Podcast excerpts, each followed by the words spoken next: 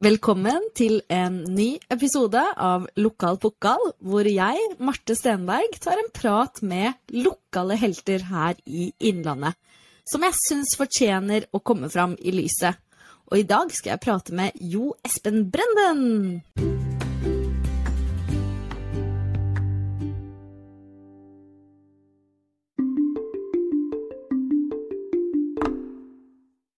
Ukens episode av Lokal Pokal er sponset av Hvil vingene dagspa. Unn deg sjøl et velfortjent pusterom i hverdagen.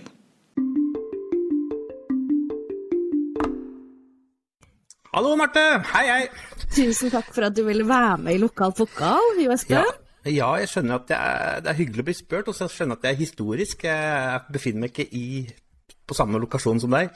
Nei, det er første gangen vi prøver ut det her med at vi sitter forskjellige steder. Uh, og det er noe jeg tester ut nå, uh, for å kunne kanskje potensielt ha flere lokale pokaler som ikke nødvendigvis befinner seg på en måte i området. da. Så veldig sporty av deg å ville være med og teste ut det. Ja, jeg er jo inne live helt ifra Wien, så det er et godt stykke unna. Ikke sant? Men jo, Espen, du er journalist og har jobba flere tiår for Østlendingen og Hamar Dagblad. Og nå jobber du i Hamar Arbeiderblad. Jeg pleier egentlig å starte med begynnelsen, men den gangen her må vi hoppe rett i det som skjer her og nå. For kort tid siden så ble det klart at Hamar Dagblad legges ned. Bypatriotavisa på Hamar fylte 50 år for ikke lenge siden, og nå er det altså slutt. Uh, og du, Jo Espen, har vært med på nesten halve reisa til avisa. Uh, fortell litt om hvordan disse åra dine har vært, og hvordan det har utvikla seg. Du verden, du verden. Det var eh, Jeg begynte i 1999. Da hadde jeg jobba i Rjukan Arbeiderblad i tre år. En liten avis oppe i Telemark. Det var liksom det første stedet som jeg fikk fast jobb. Og så ble jeg da rekruttert av Ole Erik Almlid, som alle kjenner som NHO-leder i dag. Fordi Hamar Dagblad de skulle satse. Og da var det sånn at vi skulle bli oppimot 20 medarbeidere, for Orkla skulle satse store penger på en, på en, en nummer to-avis i Hamar. Og man skulle ta storebror Hamar Arbeiderblad, husker jeg. Så, det, så, så det, plutselig så var, det, var Hamar Dagblad en veldig, veldig bra eh, lokalavis som kom ut eh, seks dager i uka. Vi, som sagt 20 medarbeidere. Og eh, en veldig sånn fokus på at vi skulle ta storebror på nyheter. Og jeg husker at det var en sånn der Klondyke-stemning i avisbransjen på den tida. For det, alle aviser oppbemanna, og alle trodde at, at, at, aviser skulle være en gullgruve. Men vi hadde liksom begynt å se tegnet på opplagsfall, og at annonseinntektene kanskje ikke var like store som før. Men dette var jo noe vi skulle snu, da. Eh, så vi, vi, Jeg husker vi, var, vi, vi levde hardt. Skulle, for det var jo ikke noe at vi kunne Vi kunne lete opp nyheter, husker jeg, på sosiale medier. Så det, i gamle dager så måtte vi bare rett og slett ut og snakke med folk. Og det innebar jo at halvparten av redaksjonen gikk jo ut to-tre ganger i uka, inklusive undertegnede. ut på byen, rett og slett? Ut på byen. ut på byen. Sto i kø utafor stalloftet og Svareberg for å høre hva folk snakka om.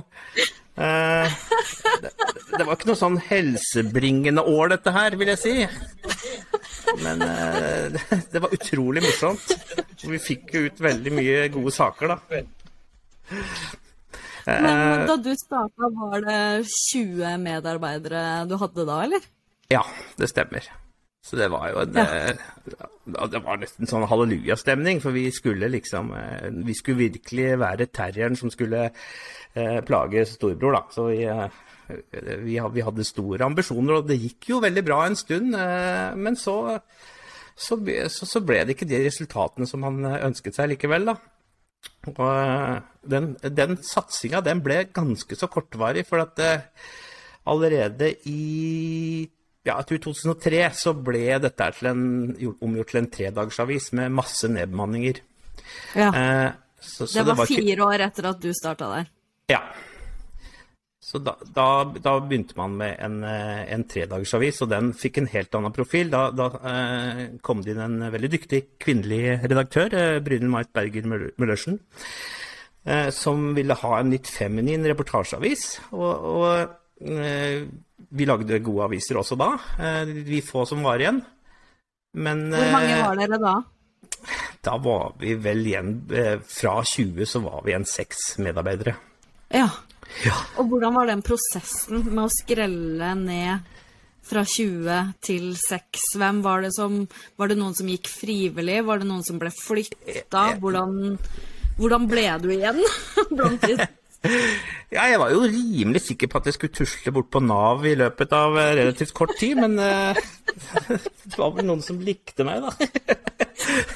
Så, så jeg fikk jo være med blant de seks. Jeg husker det gikk jo mye på litt på ansiennitet, og så var det noen som eh, så hvor det bar, som ordna seg nye jobber.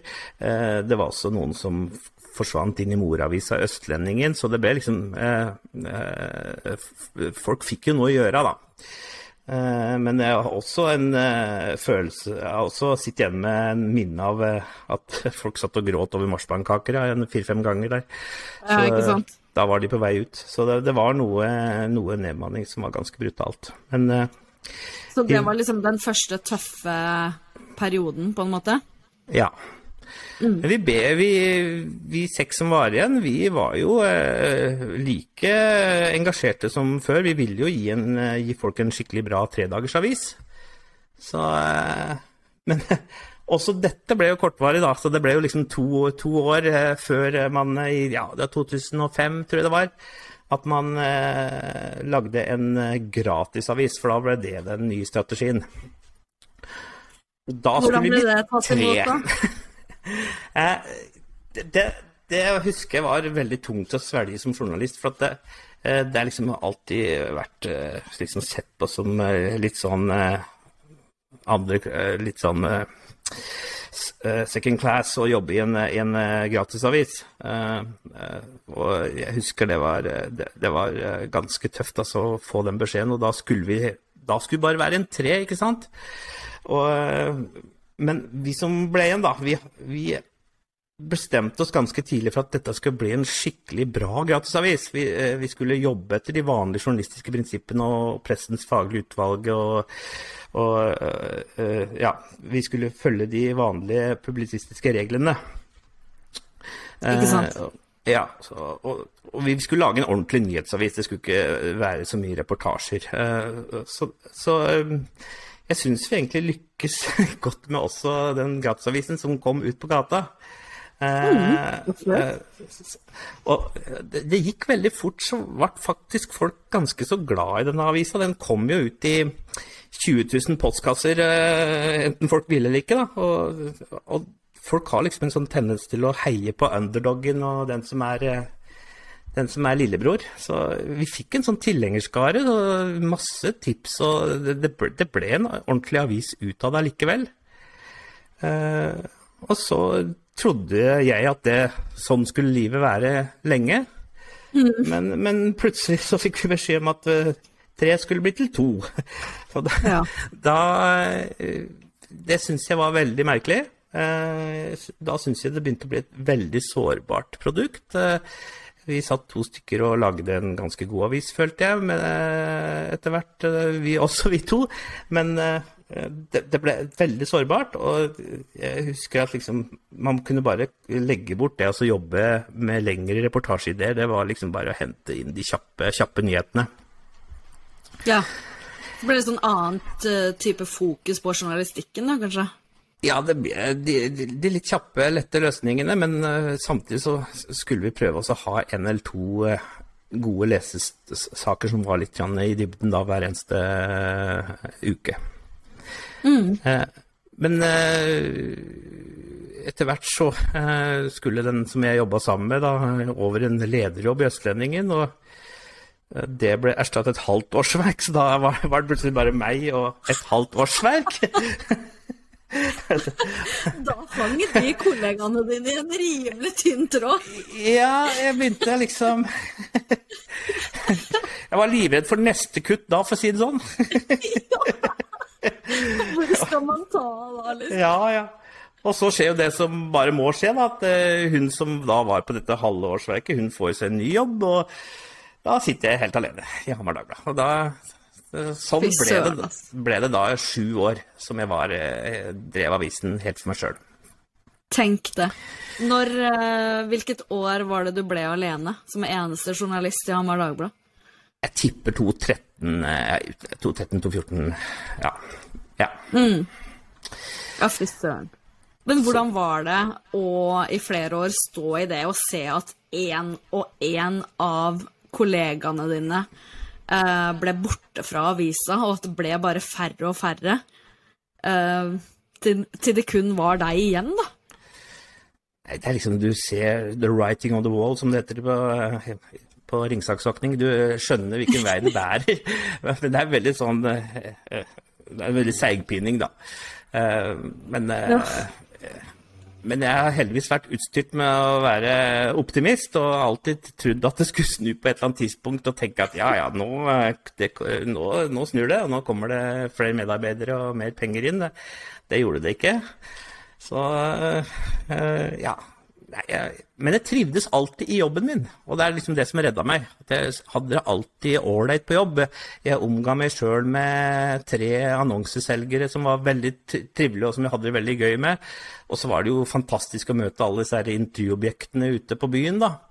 Eh, Så liksom hver dag er Som journalist er jo hver dag eh, annerledes, ikke sant. Du blir kasta ut i alle mulige settings og situasjoner. Så jeg har alltid hatt det bra på jobb, jeg. Se- selv om jeg også var alene. Og når folk begynte å snakke på hjemmekontor og covid, så var ikke det noe særlig uvant for meg. Jeg, jeg hadde jo levd alene på et stort kontor nede i Torgata her. Men var du noen gang redd for din egen jobb oppi de drøyt 20 åra som du var i Hamar Dagblad? Ja, jeg var egentlig Jeg har alltid vært redd for å miste jobben. Det er sånn eh, irrasjonell frykt som jeg har. Men jeg har liksom fått også en liten sånn eh, hint om at eh, vi skal ta vare på deg, og det skal nok gå bra.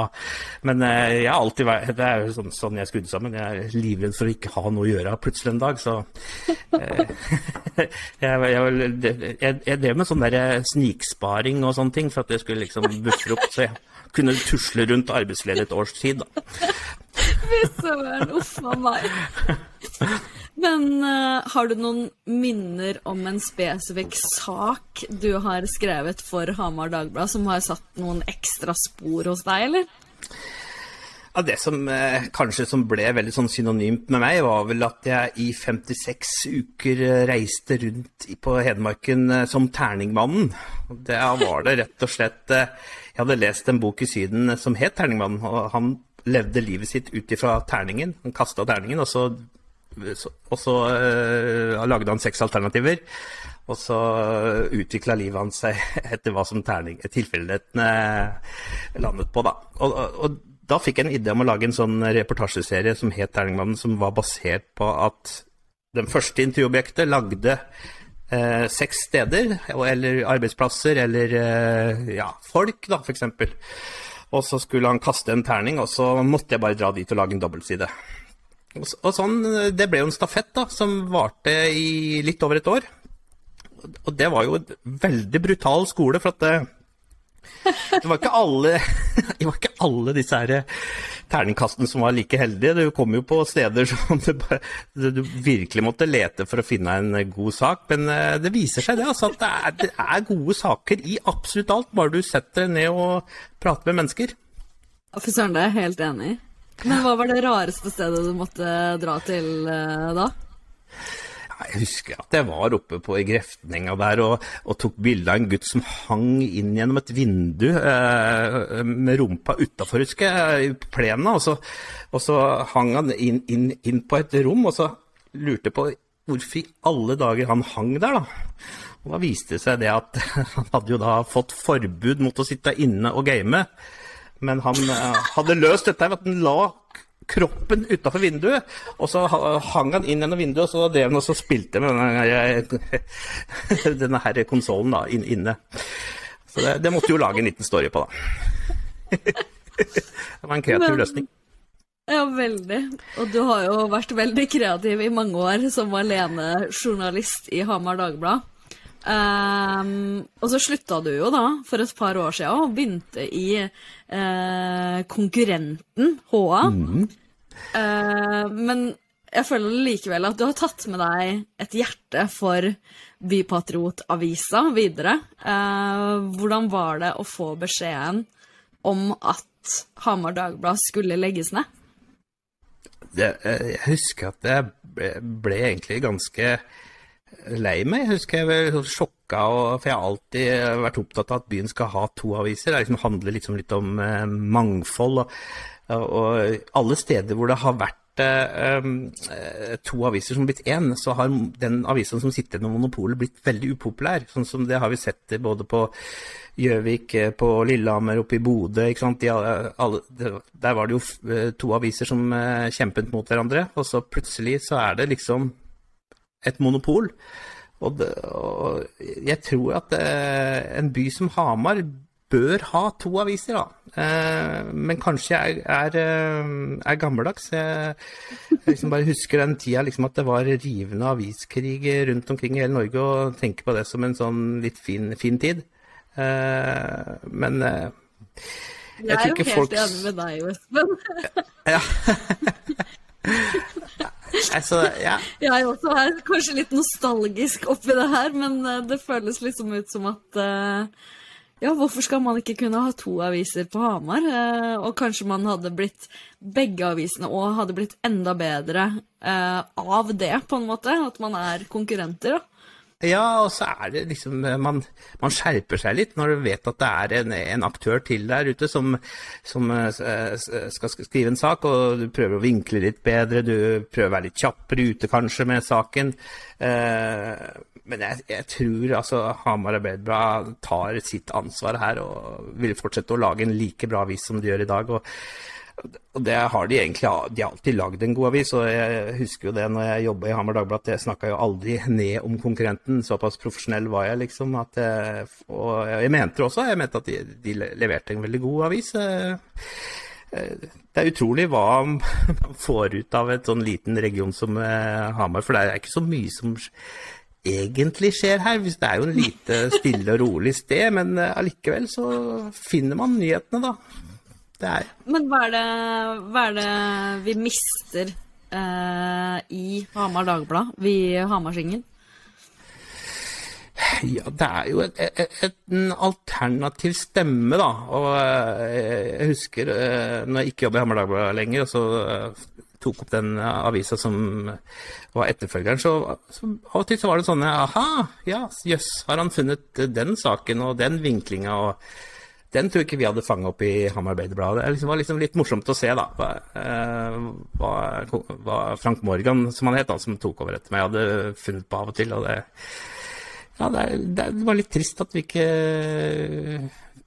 Jeg, jeg heier på mangfoldet.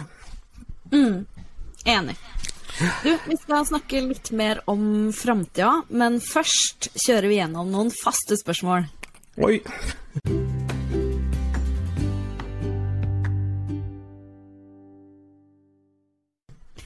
Spørsmål én. Hva er din favorittspot eller plass i regionen vår? Ja, jeg har jo da en eh, hytte, familiehytte oppe på Jøsheim eh, fra 1952. Eh, og eh, der går jeg på ski eh, og, og, og, trives utrolig godt. Og av og til så går jeg på ski bort til dette Birkebeinersporet, og så da og går en runde, så jeg kommer bort til eh, ja, Midtfjellet. Og det syns jeg der er det fint, altså rundt der og oppå, særlig på Solifjell. Det er sånn platå hvor vi ser både mot uh, Jøsheim og Sjusjøen. Det, det, er kanskje favorittspotten også. vil jeg nok dra fram uh, Bangsberget.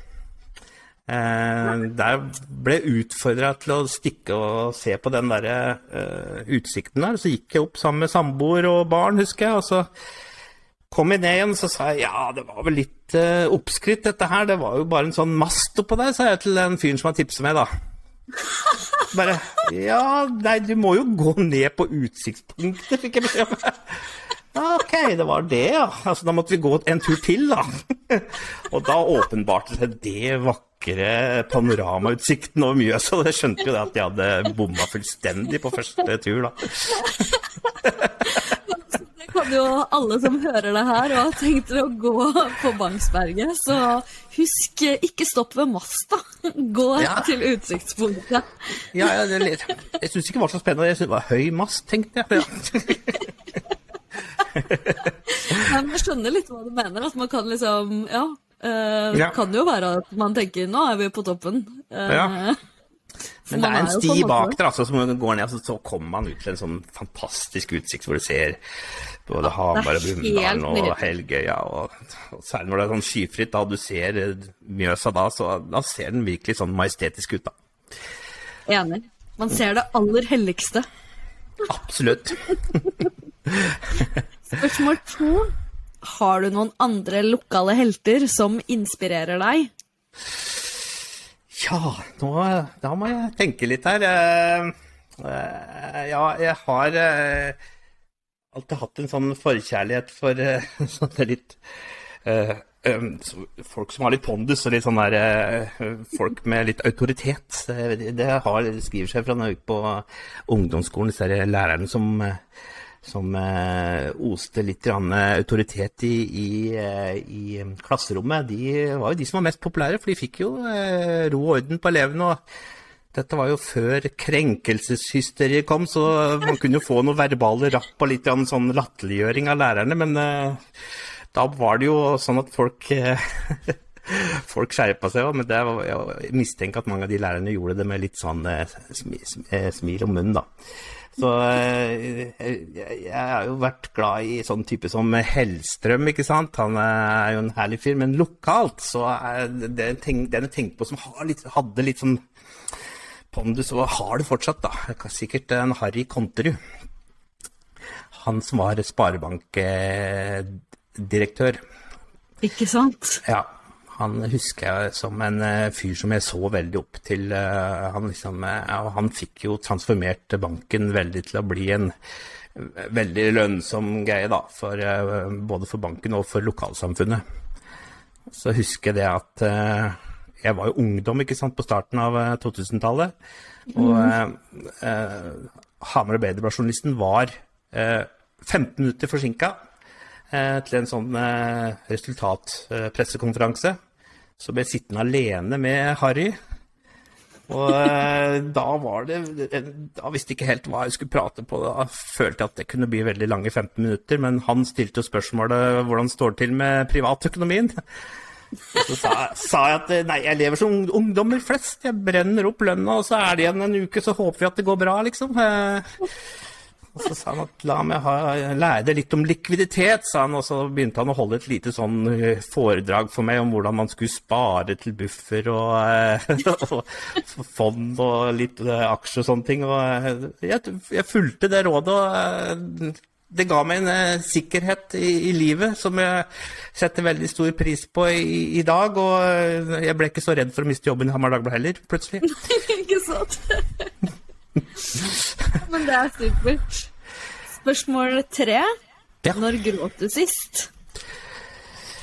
Da må jeg se på klokka, for det tror jeg er ca. 5 timer og 30 minutter siden. Og, og det er faktisk sant. Eh, Jeg ble veldig Jeg er sånn veldig egentlig sånn lettrørt fyr, da, så alt av sånn sang eh, som er på sånne dårlige sånne The Voice og sånne ting, kan jeg begynne å grine av. Og bare sånn sang og emosjoner, da, da, da, da begynner plutselig å, å, å, å tårene å renne. Eh, Men nå, i dag så var det litt alvorlig bakteppe, for det var han eh, Sondre Justad som sang i Oslo domkirke.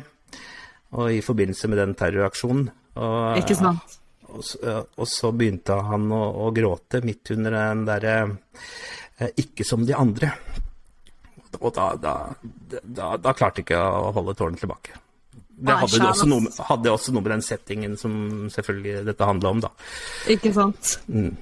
Ja, det var eh, sterke saker for eh, folk med litt, eh, litt følelser utenpå kroppen. Ja, ja, nei, det, det var, det var helt, helt vanvittig. Men uh, du er en fyr som uh, ikke Altså, du, du gråter lett, da? Ja, det er jeg egentlig litt glad for, for da liksom viser jeg at du er et menneske. Da. Liksom, man skal jo være skeptisk til folk som ler mens de klipper av valpehaler, så det er greit å, å, å være et menneske med følelser. Så jeg er veldig fornøyd med at jeg er lettrørt, da. Men det er godt å høre. Jeg er litt sånn, Noen ganger så tenker jeg at det kan bli litt for mye uh, av dette røret mitt, men uh, det er liksom Jeg finner trøst i alle disse her lokale pokalene som jeg prater med, som både én etter én uh, er eh, ganske emosjonelle. Så Ja. det er godt å høre at andre òg griner en skvett. Det er hyggelig å høre. Hyggelig. Vi, vi er en klubb. Vi er en klubb. Ja. Jo, Espen, eh, det som både inspirerer og imponerer meg mest ved deg, er den enorme kapasiteten du har som journalist. Eh, Du snitter på minst dobbelt så mange artikler eh, som oss andre, og i tillegg er du en ja-person som er skikkelig fin å være rundt, så tusen takk for det. Tusen takk. Nå begynner jeg snart å gråte igjen her. Tørke med Tore, da.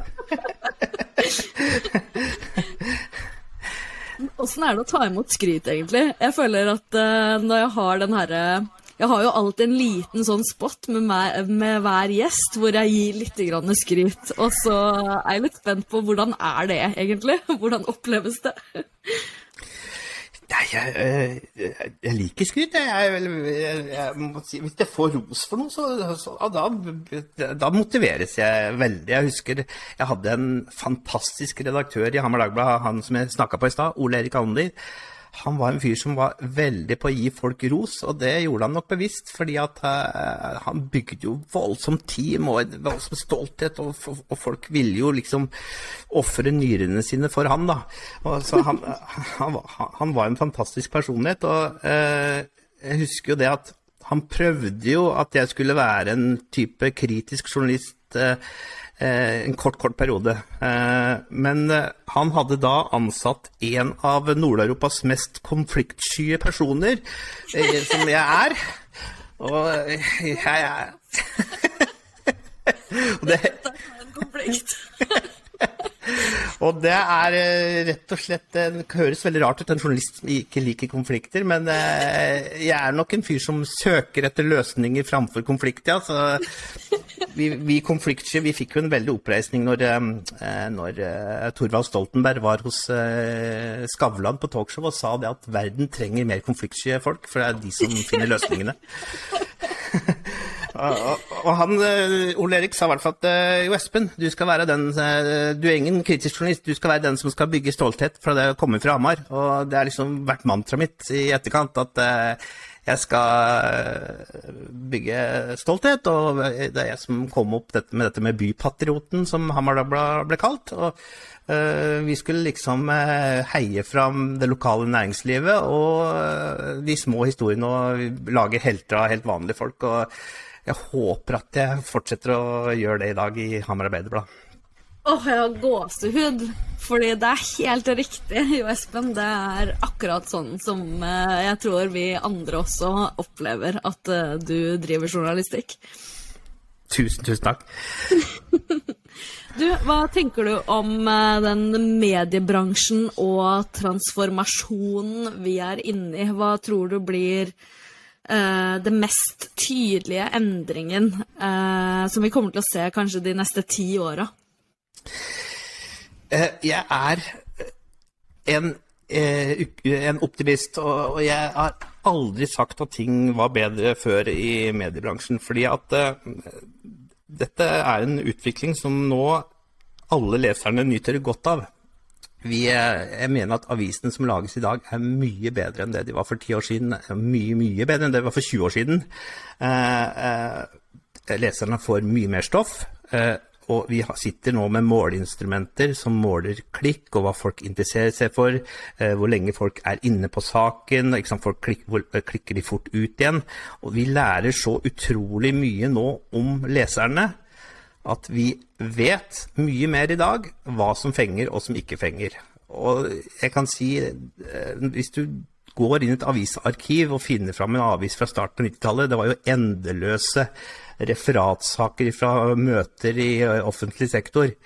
Eh, I kommunestyret og fylkesting. Og det er ingen som vil tilbake dit, det er jeg helt sikker på. Og dette blir bare bedre og bedre og bedre. Så jeg tror om ti år så eh, kommer vi til å lage nesten individuelt tilpassede aviser, eh, lokalaviser. Der folk kan liksom definere litt hva de interesserer seg for, og så får de et utvalg artikler oppe på en forside eh, som treffer dem enda bedre enn det de gjør i dag. Og eh, jeg må jo si det at nå, jeg sitter jo på alle nettavisene som lages rundt Mjøsa, og det er mye bra journalistikk nå, altså. Enig.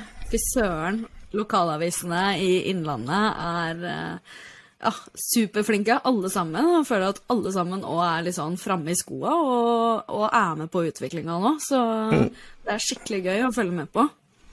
Ja, og hva er det vi driver med i dag? Det er, mye, det, er et, det er et mye bredere produkt. Vi driver med strømming, det er podkaster, det er direkteoverføring av sport det er, eh, det er, reportasjer, det kan til og med sågar være eh, filmer som folk lager. Det er, det er, det er jo blitt et enormt mangfold eh, bare man går inn på nettavisene.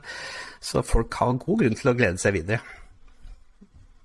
Har du noe sånn journalistisk drøm som du enda ikke har fått oppfylt, som du tenker at åh, det der har jeg lyst til å gjøre en gang?